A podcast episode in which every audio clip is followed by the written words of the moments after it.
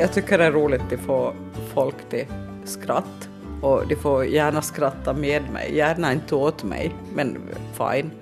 Om det är glädjen an så är nog det okej. Okay, ja. Men nu tror jag att om man har blivit lite så det kantstöjt i livet till och från så börjar man uppskatta allting på ett helt annat sätt. Framförallt så är jag på jakt efter glädjen hela tiden. Det tycker jag är viktigast. Det här säger Katta Svenfeldt som ni nu ska få höra i ett samtal om livet. Och jag som har gjort programmet heter Ann-Sofie Sandström. Jag har alltid uppfattat Katta Svenfeldt som en glad människa med massor på gång. Och sen vi blev vänner på Facebook har jag kunnat konstatera att också hennes uppdateringar där alltid är roliga och positiva. Jag måste erkänna att jag själv nog har lite svårt att hålla humöret uppe när höststormarna viner och novembermörkret verkar nästan ogenomträngligt. Så när jag stämde träff med Katta mitt i mörkaste november så var jag speciellt intresserad av vad det är som har gjort henne till den glada och positiva person hon är idag. Välkommen. Jag brukar göra så här när han kommer till oss. Ja, tack. Det känns så bra. Dricker du kaffe? Jag äter kaffe måste som morgon. Nej men det var bra. Vad tycker du vi ska tala om idag eller ska vi rolla bara? Nej, vi talar om livet nu. Okej. Okay. Hela? Nej, vi måste ta lite så det nedslag, glimt, glimtar gör oss här. Jag heter Katta Svenfeldt, eller kallas Katta Svenfeldt. Katarine Maria Svenfeldt. Född 1957 i Falun. Hitsläpad av min mor. Uppväxt med mommo och muffa i Frams. Idag är jag gift och jag har en son som är en vuxen och mycket trevlig man och har en svärdotter som är om möjligt ännu trevligare. Bor i Sandsund, jobbar på Pedersöre kommun och mår riktigt bra. Du blev släpad hit från, från Falun sa du. Kändes det så? Nej, absolut inte. Mamma skilde sig och far lämnade kvar i, i Sverige. Så vi flyttade hit då mor och jag och så flyttade vi då till mommo och muffa. Då var jag riktigt liten bebis. Jag fick ett jättebra liv för jag lämnade kvar hos mommo och muffa. Arne och Astrid Nyström och mamma gifte om sig och jag fick tre syskon. Hurdan relation har då Katta till sin mamma? Mamma och jag vi har varit lite mer som syskon nästan. Det är inte så stor åldersskillnad på oss. Hon var 18 då hon fick mig, så jag menar vi är ju samma ålder nu känns det ju som. Vi är två kärngar. Vi har roligt tillsammans och det är klart att jag ser på henne som mamma. Men hon har haft sin familj och jag har tagit över mommo och muffa. Det gjorde jag med buller och bång alltså. Jag tog ju dem till mina fullständigt. Och fick ju en otroligt bra uppväxt. Medan det var ju jättehäftigt att fara till mamma och vara med sina syskon. Och då syskonen blev sur och elak och började lukta lite surt så fick jag ju fara hem. Det var ju helt perfekt. Hur var det med kontakten till pappan då? Han som blev kvar i Sverige? Pappa dog ju då han var väldigt ung. Han var 49 då han gick bort. Så vi har haft väldigt så det halvsporadisk kontakt. Men ändå fastän vi har haft så dålig kontakt så har han nog ett, en stor plats i mitt hjärta. Och det är ju så roligt för sonen ser ganska mycket ut som han så att, och har samma eh, humor framför allt. Men jag växte upp med mormor och morfar med Arne och Astrid och det är väl en av de största gåvor jag har fått i livet. Att få växa upp med mogna, vuxna människor den ena väldigt rar och liten och näpen och snäll. Och Muffa en riktigt härlig galenpanna. Vi, jag satt upp shower åt dem på kvällarna och jag har alltid varit en sån här apa som inte kan vare sig hålla käft eller hålla sig still. Så först tyckte jag det var väldigt roligt att betala med men ganska fort sen så började de betala för att jag skulle låta bli att uppträda. Men roligt var det. När du var så där liten, då, vad gick du och tänkte att du skulle vilja bli när du blev stor? Jag skulle bli damfrisörska eller flygvärdinna. Varför just de två? Vi hade i bekantskapskretsen en tant som var frisörska. Och hon var alltid så fin. Och flygvärdinna igen, det var nog bara någonting som man trodde att var någonting väldigt tjusigt som bara stod vid en trappa och såg fin ut med vita handskar.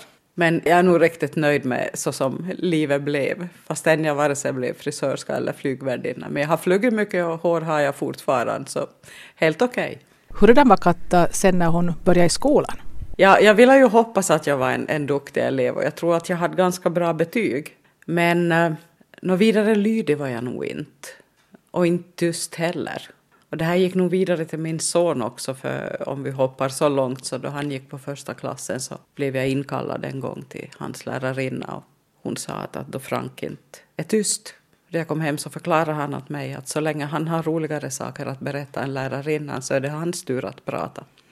Jag var nog så jag och själv. Men som tur var hade vi mycket sångkörer och vi hade teater och där man fick apa av sig. Och sen var teckning och allt kreativt var väldigt roligt. Matematik var ungefär som till såg sig i foten. Långsamt och plågsamt.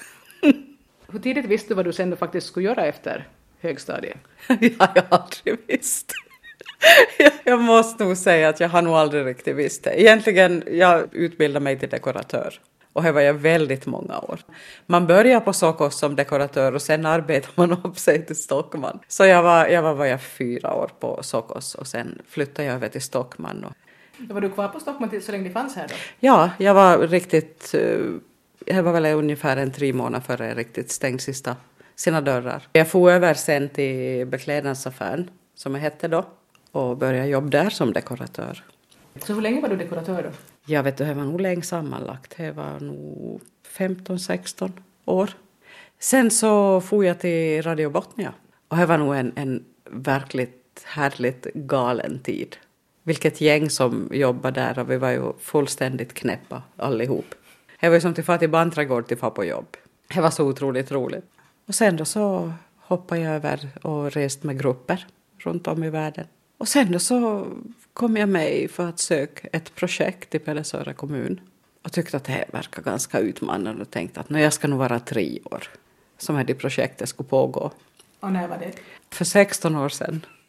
Jag sa ju att jag var dålig på matte. Så nu har det gått 16 år och du är fortfarande kvar där? Jag är fortfarande kvar där, ja. Är det samma projekt? Nej, det är inte.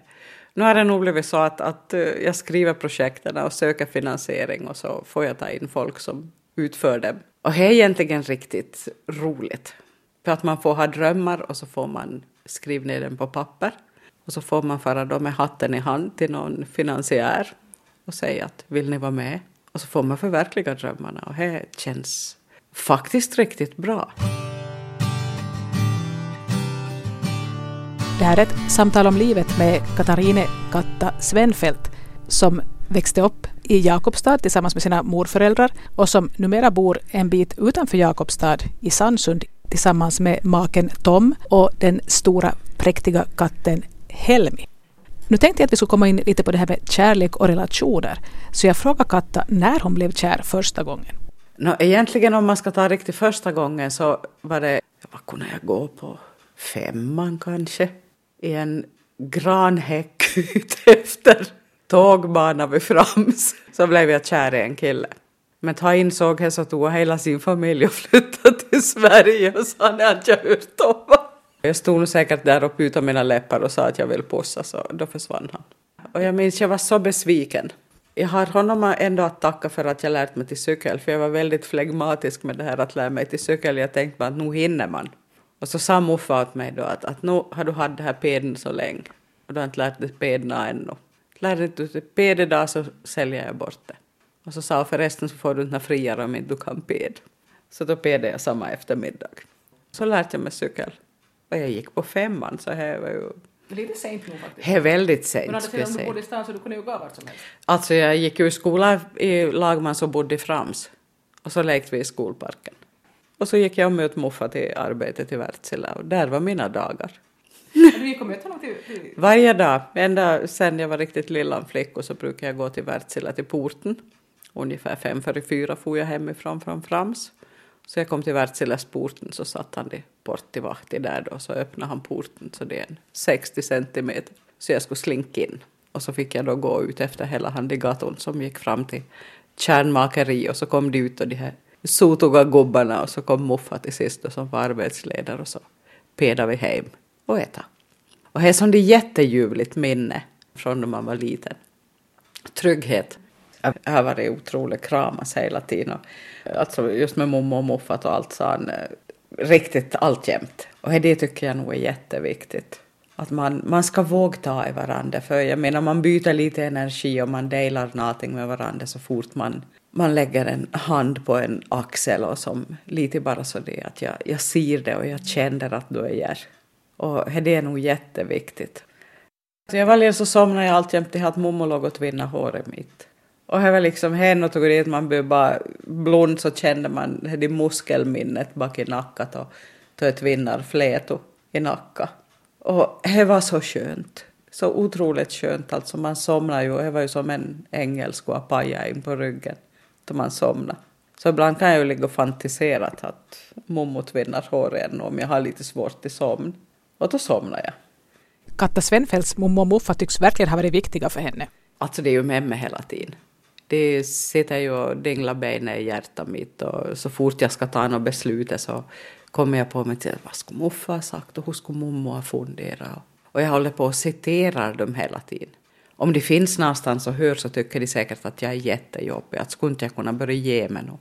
Det har varit bort tio år men de samma bandet bara släpar ihop på mig att så skulle mormor ha sagt och det sa morfar. Så du fick ha dem kvar så länge i alla fall? Att de... Jo, alltså de levde jättelänge, ända till 90. Helt underbart. Och vi hade eh, nästan tio år så förde jag blommor åt mormor varje fredag. För hon sa en gång då för jättelänge sedan att, att du vet, jag vill inte ha några blommor till graven. Det är rätt onödigt att du springer tid med blommorna för jag kommer inte veta om det. Jag vill ha dem så länge jag lever. Så då fick hon tio rosor varje fredag. Så länge hon lever? Japp. Och sonen hade att ha fot till mommos varje dag efter skolan ända från lågstadiet ända upp i Handels. Mommo kokade te och lagade franskbrödssmörgås och det var ju som en höjdpunkt varje dag. Då pojken kom från skolan, kom in och hälsade på och funderade hur dagen hade varit. I vilket skede kom den här sonen in i bilden då? Sonen kom in i bilden 1978. Då var jag gift med hans far och vi var tillsammans i 15 år ungefär. Och det så separerade vi. Vi passade helt enkelt inte i lag. Det gick inte. Och inte var du så himla gammal när du gifte dig heller då? Nej, nej, jag var 19. Ja. Så vad vet man då? Det skulle vara förbjudet i lag till gift sig förrän man är 30. Men har ni inte tänkt på det här? Hallå, hallå, svara, jag kan varna. Jag tror jag lagt på det som jag lagt på GPS istället. Nå just så, ja ja. Helme kom då. Nå vart det usligt. Ganska lille gjuter att du är stor katt. Ska du ha melli? Va? Hon ska få karameller. Lag det annat då. Helme Maria Svenfeldt presenterar sig. Ska du ta? Får ta med tassen. Ja, vad var vi? Var... Vi var... Frank, ja, när han kom. Och att du var lite ung att man borde kanske inte gift... Före man är 30. Nej, som sagt, alltså man skulle behöva 30 enligt lag före man gifter sig. För man ändrar så otroligt mycket. Om man är född en sökare så är man väl inte färdig så det fort. Sant att man blir över 50 som, som man är nu, så då vet man ju att inte man vet något. Det är jätteskönt. Jag kommer jag till tollo på bara ända tills inte jag tollar mer. Och jag kommer inte ha svar på en enda fråga. Men du kanske ställt ganska många frågor? Alltså jag ställer frågor hela tiden men jag fordrar inte några svar. Absolut inte några svar för då, varför, vad ska jag göra med svaret? Det skulle inte vara något roligt då. Och ifall du skulle ha ett facit på hela livet och kunna säga och så gör man så det och så gör man så det och, och då blir det så det. Nej, nog bara till bara huvudtid och se om pannluggen håller. Jag tycker det är jätteskönt. Hellre att göra bort sig lite och säga oops och förlåt och kiitos jag anteeksi än att det bara skulle flyta på hela tiden. Jag, jag tycker det är roligt att få folk till skratt och de får gärna skratta med mig, gärna inte åt mig, men okej, okay, fine. Om det är glädjen an så är nog det okej. ja. Men nu tror jag att om man har blivit lite så det kantstöjt i livet till och från så börjar man uppskatta allting på ett helt annat sätt.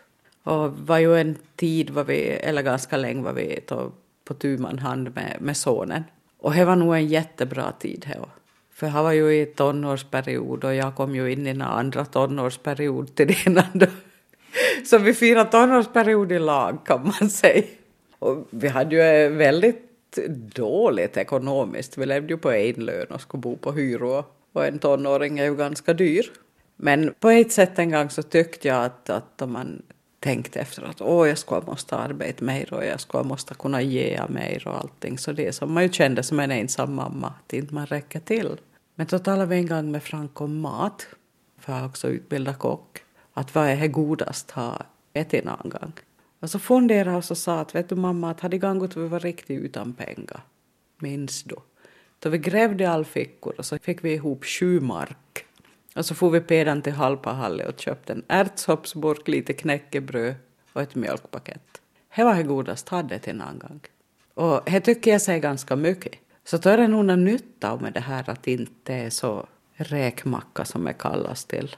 Att man hela tiden har stort att vara i och finkläder och storbilar. Och, utan det är ju sant och kanske då du har en medelstor bil och ett hus så tar man så det är jättenöjd. Att hur kunde det bli så det? Vi som grävde i fickorna efter einmarkorna. Och hur kunde det bli så det? Ja, säg det. Jag tror nog bara att vi mitt i allt börjar göra helt rätt val, allihop. De som kom in i vårt liv på 94 så har nog varit en, en katalysator för allting. Både för glädje och kärlek och respekt för varandra. För han kom ju in som en helt ny människa i vårt liv och, och har blivit en god vän åt, åt sonen med mycket respekt som kunna visa med hela handen och broms med båda hälarna. behövs. Det. Och det är ju det som behövs. Tom är ju åtta år yngre än vad jag är. Men det har aldrig liksom varit några problem för oss. För jag är ju så erbarmligt barnslig. Hur träffades ni? Vi träffades faktiskt på Radio Botnia. Han kom tid och började jobb och jag skulle slut. Och så skildes våra vägar. Och så råkade vi då en par år senare, eller jag hoppade in och läste reklamen fortfarande. Och vi började väl så de små flirt med varandra. Och så konstaterade vi väl då vi såg oss omkring att det inte fanns så mycket annat att välja på så det var lika bra att ta varandra. Då var du inte tonåring men då var du en mogen kvinna. Då var jag 36 år, jag visste precis vad jag ville. Det visste jag nog och såg att det här var nog en kille som var verkligen till satsa på. Men jag måste gå tillbaka några år, vi hade varit i lag en tid Tom och jag så berättade att det, det var inte alls liksom första gången som han såg mig.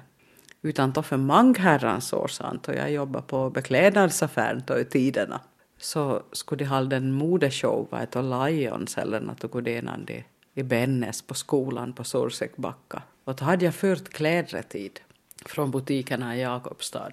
Och då var väl Tom bara en lillan pojk och jag hade då kommit dit med en otroligt fulan ljusblåan barnkostym som ju Hatto förstås han måste visa upp. Och det var hans första kontakt med mig. Och han kom då ihåg hur det som kom tid och var så stor på sig hängde kostymen på sa att det här ska du ha. Så säkert kunde han inte tro att han skulle vara gift med mig x antal år senare. Så, så det kan det vara. Och nu har vi varit i lag i 20 år snart. Det är det Kissi som börjar tycka att nu är det inte no, som pratar med hon tycker nog att kan du vara tyst en stund? Ska vi dricka kaffe emellan? Vi ser nog det, hur du Kissi, vi ser nog det. Kissun är nog bra att ha, alltså är nog, oj oj oj. Alltså det, jag tycker det, det plattar ut själen. Man kan inte ha det till till om det finns en Kissi nära. Nej, man kan inte för man smilar åt någonting hela tiden. Ja, nej, jag skulle inte klara mig utan katt. Vi, då vi flyttade från, eh, till Halpahalli, vi bodde ju däremellan i Halpahalli-huset och och vi sålde vårt hus på Ankaväg i Gamla hamn och tänkte att nu, sonen flyttat hemifrån, nu ska vi börja ha det bekvämt. Fyra år klarade vi och då var vi utan katt. Men så tog vi ju det här fröken Fridolin då inte jag klarade mig mer. Vi klarade inte av att bo i höghus, vi fick för lång tid. Vi är som de projektmänniskorna som ska ha någonting att göra hela tiden och vi vill ha utmaningar och vi vill göra någonting med händerna. Nu ska hon ha chokladbitar till på. Vad tycker de här jag brukar ligga på dem. Nej, inte vill du heller. Nej, så då börjar vi så det utan att tänka efter. Sökhus. Och så hamnar vi då i det Sandsson med det här. Lillhuset. Lillhuset, ja. Det är nog ju tillräckligt säkert för ett par personer och en katt. Det är nog 240 kvadrat är riktigt lagom. Så det är ljuvligt Och jag vet inte, det här huset så här andas någon sorts frid utan några konstiga orsak. Det är drygt fyra år sedan Katta och maken Tom flyttade till det här huset. Ja, alltså jag har mått så bra jag sedan vi kom hit. Alltså man märker eh, hur man är glad och positiv och full med energi. Och... Nu var man här förr, men det här stället har nog gett något det inre lugn som gör att man är lite så det eller som håller man på att bli snåt och kan vara här och kan man ju vara glad hela tiden. Men då har han aldrig hackat upp sig. Jag är på gott humör för det mesta. Ja, jag märker, jag har liksom noterat på den här Facebook-uppdateringen att det är mörkast november och det orkar vara glad hur man var det sådär att Va, vad är det du tar? Det vill jag ta. Nej men jag sa ju henne fel. Nej, nej, nej. Jag tänkte att om du har någonting du stoppar i det som man blir så det och så kan jag ta det också. Uh, ingefära. jag dricker rå ingefära i vattnet varenda kväll. Kan det vara det? Alltså jag börjar i påska så egentligen har jag varit glad är kanske lite ingefära hög. Förkyld har inte jag varit på jättelänge och inte snurroskov eller någonting tog jag. Inte riktigt allergijottorna heller som jag brukar ha på våren. Hade inte jag i våras. Och jag vet inte om jag är ingefäran. Nej, jag tror nog grunden till att se på saker och ting annorlunda var nog att eh, jag hade ju en ganska svår, eller jag hade epilepsi hela livet. Men så blev det en tidpunkt i livet där jag fick en växt i magen och, och det var väldigt bråttom på arbetet och, och, jag tror det var väl mest det här växten i magen som gjorde att man var orolig och, och så kom kramperna. Så jag var sjukledig i sju månader. Nå var det här, hur länge sedan var det här? Det börjar nog vara snart tio, åtta år sedan. Nej, så hade innan, då var jag sju månader sjukledig. För det blev att hitta rätt medicin för att få mig på spåret tillbaks. Och den här tiden, jag är så otroligt tacksam för den tiden. Då man fick riktigt ta ut all batteriet, ses ner och fundera. Vem är jag? Vad vill jag? Vad är viktigt? Vad vill jag ge åt mig själv? Då jag når livets taknock som de kallar 50 till. Och då kom jag på några gåvor. Vid den tiden då så vägde jag över 100 kilo. Jag var så tung. Och då lovade jag mig själv att då jag fyllde 50 så ska jag gå ner 30 kilo. Och det gjorde jag. Då jag fyllde 50 hade jag gått ner 32. Var du faktiskt så tung? Ja, jag var faktiskt det. Men så, det tycker jag Nej, men så jag, jag lydde min mommo. Hon sa om du är fet ska du gå hårt och skratta mycket så märks inte något. Var det jag har gjort. Inte hindrar ju ögonen med att jag kom fladdran vet du. Nej, du har nog alltid varit så det som du skulle ha ja. en extra växel som Förbi bara. Här, ja. Och du måste man fundera hur du har orkat liksom, du har Ja, inte vet jag själv heller, men jag är bara fortfarande, mm. inte jag tröjt heller, inte särdeles brutto. Nej, men du, tog, du, du fick ju vila och ta ut batterier ja, på bordet och allt. jag fick det. Och då började jag, då tog, började jag ta hand om mig själv och bestämma för att må bra. Och bestämma för att jag är epileptiker, men jag är inte epilepsi och det är jättestor skillnad. Men hade liksom definierat det mycket före då, att du hade liksom tänkt på dig själv som epileptiker? Ja, Gaime hade rädsla att, att det smällde till när som helst, som man ju gör. För att, att krampa har jag gjort lite till och från till jag var lill var det ju riktigt gaulut. Men den här tiden då man fick som riktigt sjunk in i sitt eget psyke och sjunk in i sig själv och tänka efter att vad vill jag riktigt då? Och vad mår jag bäst av? Hur gjorde Katta då? Satt hon bara och tänkte och funderade eller började hon läsa böcker? Eller? Jag började läsa, vet du, all klok böcker jag hittade. Och jag läst och jag läst och jag läst och jag konstaterade att jag ska nog lämna som en sån de läser.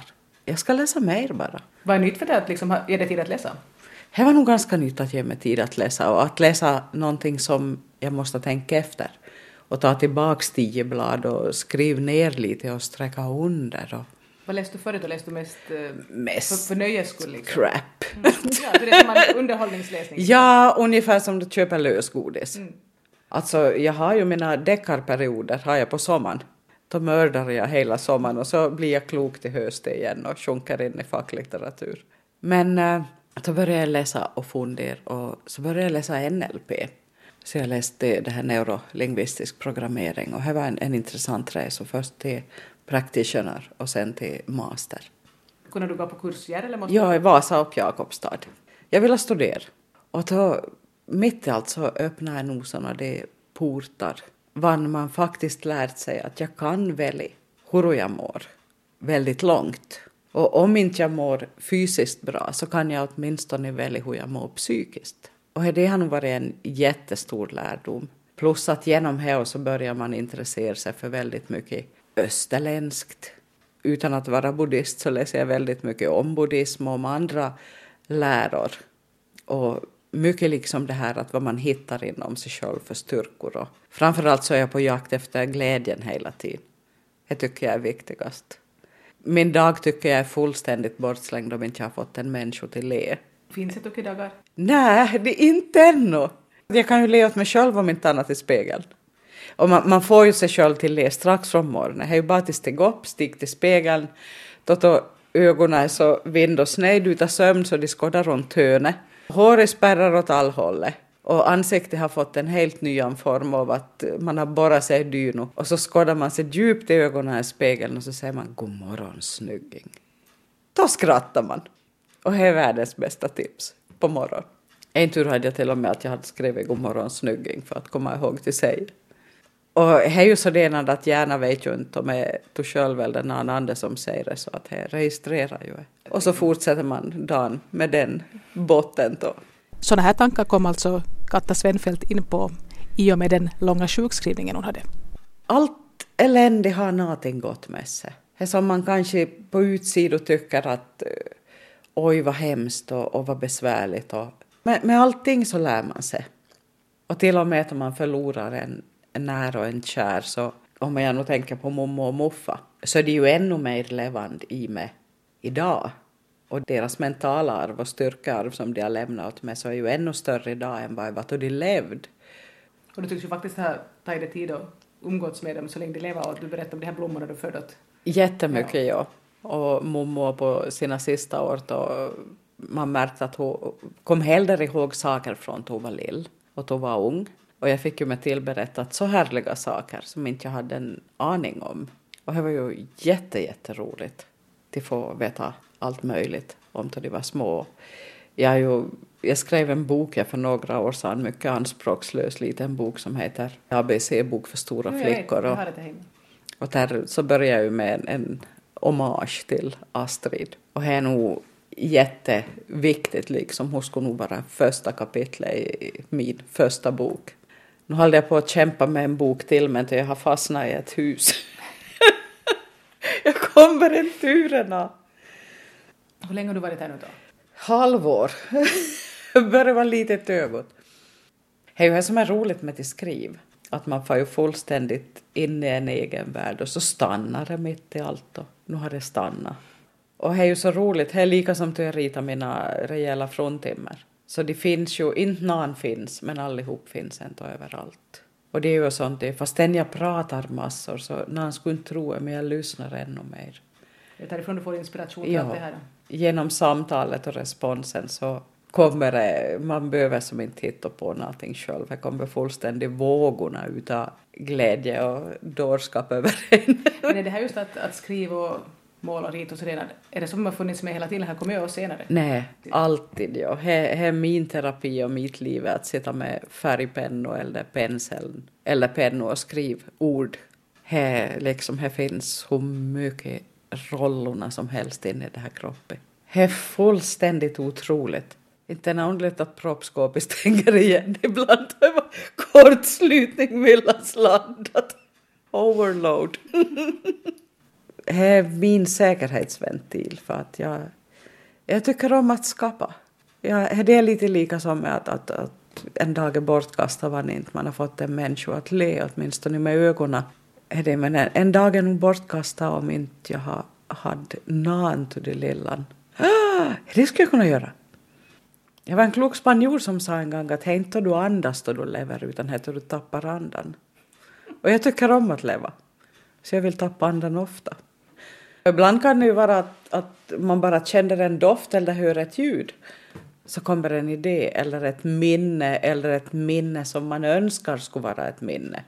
Man kan ju skapa minnen i framtiden. Och vad skulle jag vilja uppleva? Vad skulle jag vilja minnas om tio år om jag...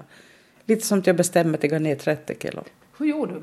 Jag började nog bara visualisera hur jag skulle se ut. Hur jag skulle kännas. Inte varken knivar eller dieter eller pulver Nej. eller någonting? Det vad du beställer det här så får du. Och du hade inte tidigare då suttit på det viset? Nej, nej. Utan det var nog bara att jag... Jag ville ge mig det presenten till jag fyllt 50 år. Jag, sa högt för mig själv när jag var 46 år att jag fyllde 50 så skulle jag vara snyggast 50-åringen i Jakobstad. och åtminstone i mina egna ögon. Och he, ja, jag tyckte att jag var här till jag fyllde 50 fastän jag for till Spanien och full men och det räcker ju här att man är nöjd själv. Hur inverkar det på hur du mådde då? Liksom att du, vad sa du, 30 kilo, 30 mer? 32 kilo. Det måste kännas ganska mycket lättare då? Man gör nog det. Men det värsta är ju om du går ner så mycket så vill ju inte riktigt psyke hänga med.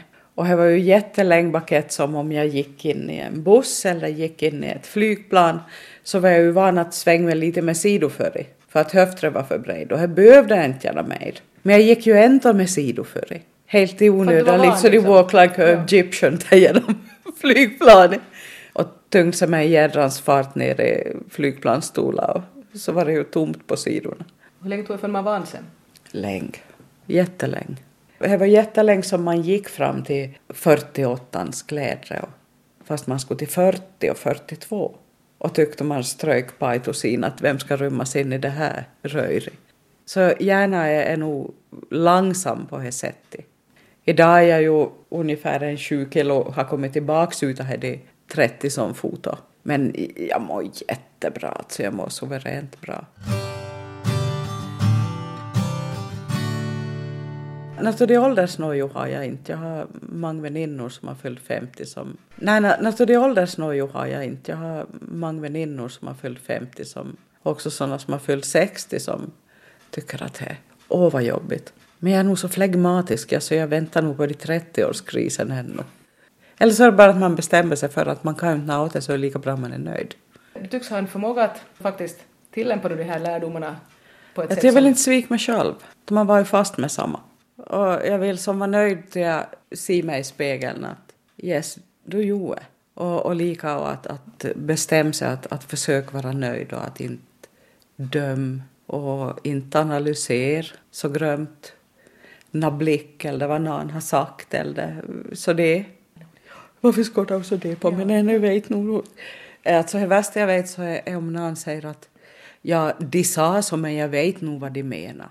Så jag bestämmer själv för att jag ansvarar för vad jag tänker själv och vad jag säger själv och resten kan inte känna åt. Så blir det ganska bekvämt att leva. Och sen en så det ganska drastisk en sak att så man förstår att allting har ett slut. Allt, då blir det enkelt att leva.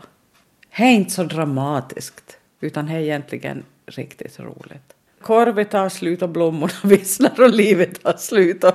Så mm, njut så länge finns. Verkligen njut. Och kram varandra och ge komplimanger. Och jag menar, här, jag var med om en helt ljuvlig sak då vi var i Spanien i september. Vi hade varit ute och ätit min man och jag och så kom vi till hotellet. Så gick vi in i hissen och så kom en helt okänd kvinna rusande bakett oss. Eh, jättefin håruppsättning och en grön klänning med mycket bling-bling på. Och så tar hon mig i armen och så säger hon att I just have to say you are so beautiful. Thank you, sa jag. Liksom, du vet, man blir ju så mun trillar ner till bröstet ungefär. Och jag stod där och sa jag, Hört jag rätt vad hon sa? Ja, sa gubben min. Hon sa att du var grann. Men det tyckte jag att var alldeles, för jag hade funderat mycket på det, hur dålig man är överlag att ge komplimanger. Och hur jättedålig vet att ta komplimanger. Fort när han säger att oj vad du har fin halsduk, nej vet du det här är nog så gammal. Och jag är så glad att jag fick sagt thank you åt de kvinnor. Och nej, alltså vi måste se varandra och vi måste våga säga att oj vad du är söt idag. Och så är det ju nästan så att om man säger det så kan man varför säger du så det? Vad Ja, menar precis, du? Att ja. folk kan nästan tro att, henne, att är du ironisk eller Vad är det nu? Har jag sult på ja, häcko, vad-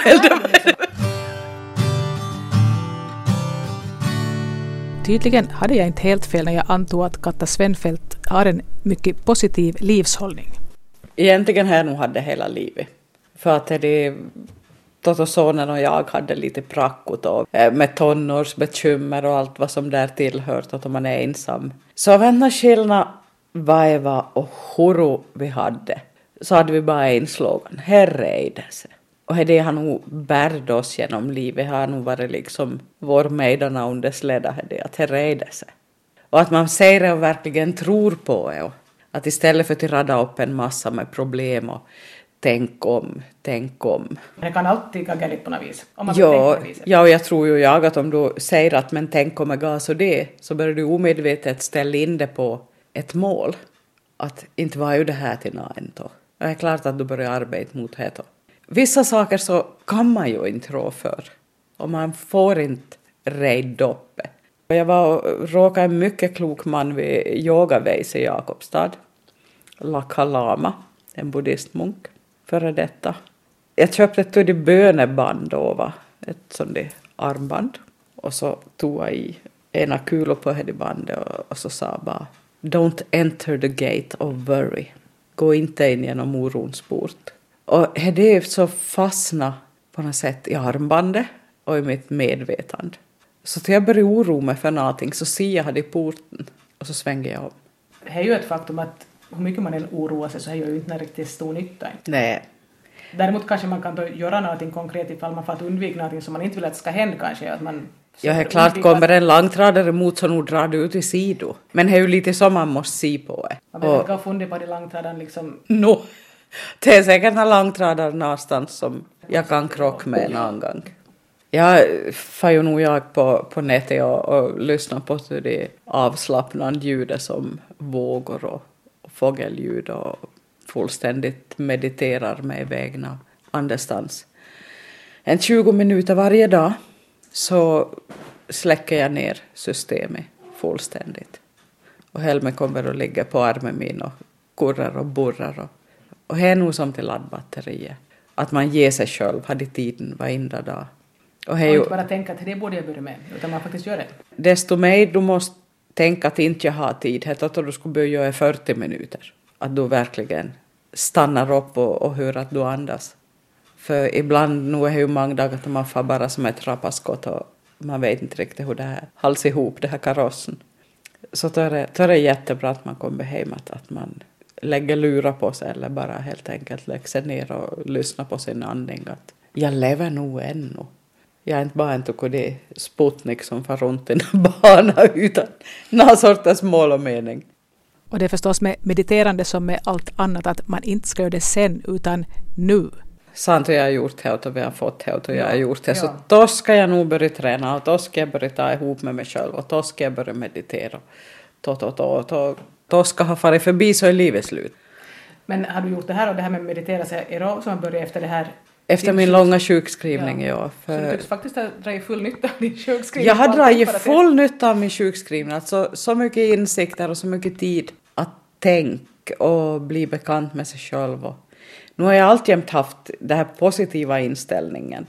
Men alldeles genom att, att hitta hem i sig själv och våga säga att jag är jag och inget annat. Så då blir det varmt då, då blir det väldigt skönt att vara, då är det lätt att vara jag vet inte om jag kallas positiv eller om jag kallas att välja livet. Jag skulle väl kalla mig det, att välja livet. Förresten har du grannan halsduk har jag suttit och tänkt på hela tiden. Jag tycker om det här färgen. Jag vet inte ja. jag lite piggar upp i det här. Hennes sakralt över. jag blir riktigt som så lugn vet du. Så det, oj oj oj, jag börjar slå ihop händer. Man blir på till det hela humör. ja, har du någon sorts tro då? Jag har väl, alltså jag, jag vill tro på det goda. Men skulle jag definiera så skulle jag väl inte kanske säga direkt troende utan mera sökande. Ja, jag vill tro på allt som leder till att vi är goda och snälla mot varandra. Det vill jag tro på. Men jag kan inte lägga namn på det. Visst har jag mina kors och jag har läst både min barnens bibel och stora människornas bibel flera varv till och med. Och jag, jag kan välja ut saker som jag tycker att känns bra. Ja, jag tror på godhet och snällhet och kärlek. Det tror jag på. På det sättet är jag troende att med dina egna exempel så är du en lilla kapell som vandrar omkring. Det räcker inte en kyrka, men en liten kapell.